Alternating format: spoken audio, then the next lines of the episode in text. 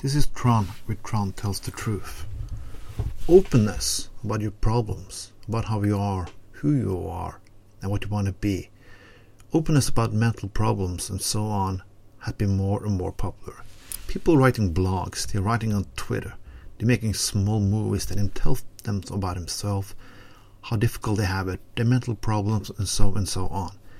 Being open create a lot of fuss. People like, they share, they put put it on a page, just advertise for it and make programs of it and so on. But it's a dark side and a bullshit side about this because when it comes when the microphone is off, the Facebook is off, and the television screen is off, people don't really give a shit. If you are the one person who is different, people don't care about you. Try it. Because when everything is turned off, you're going to live a normal life. So, my suggestion to you is be less open. Because the likes on Facebook never going to help you anywhere. Well, they can be they can be intriguing, they can be interesting, but do we really care about these persons anyway? Do we?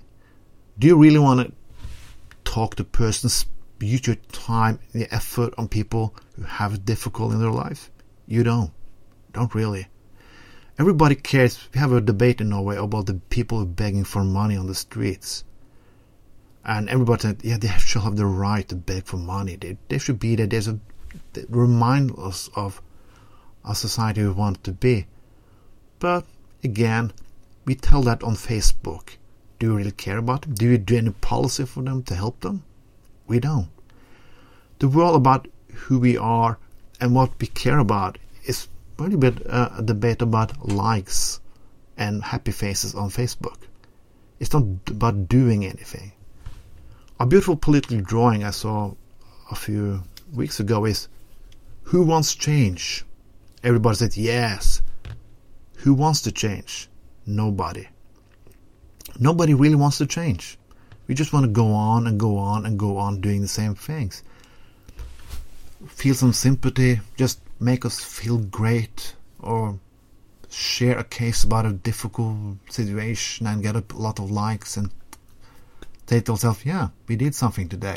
But really, you didn't do a shit. If you had a neighbor who had really bad problems, would you invite him over? Would you care for him? Would you give the extra mile? Give the extra mile without Facebook and a screen nearby. Without telling that on Facebook to get more likes, would you? I'm not so sure if you would. A lot of people don't do it. Because the same problems go on year after year. If all this social media really helped anyway, why isn't the problem solved? Because they are not. Because and because it's not about them it's about ourselves. Think about that the next time you see a so-called political ally put on some beautiful things on Facebook. Ask himself or ask yourself, what are we really gonna do? What can a sacrifice for you or him or her do for making the situation better for anybody else? This is Trond, with Trond Tells the Truth. Have a nice blended evening and, well, lend a hand.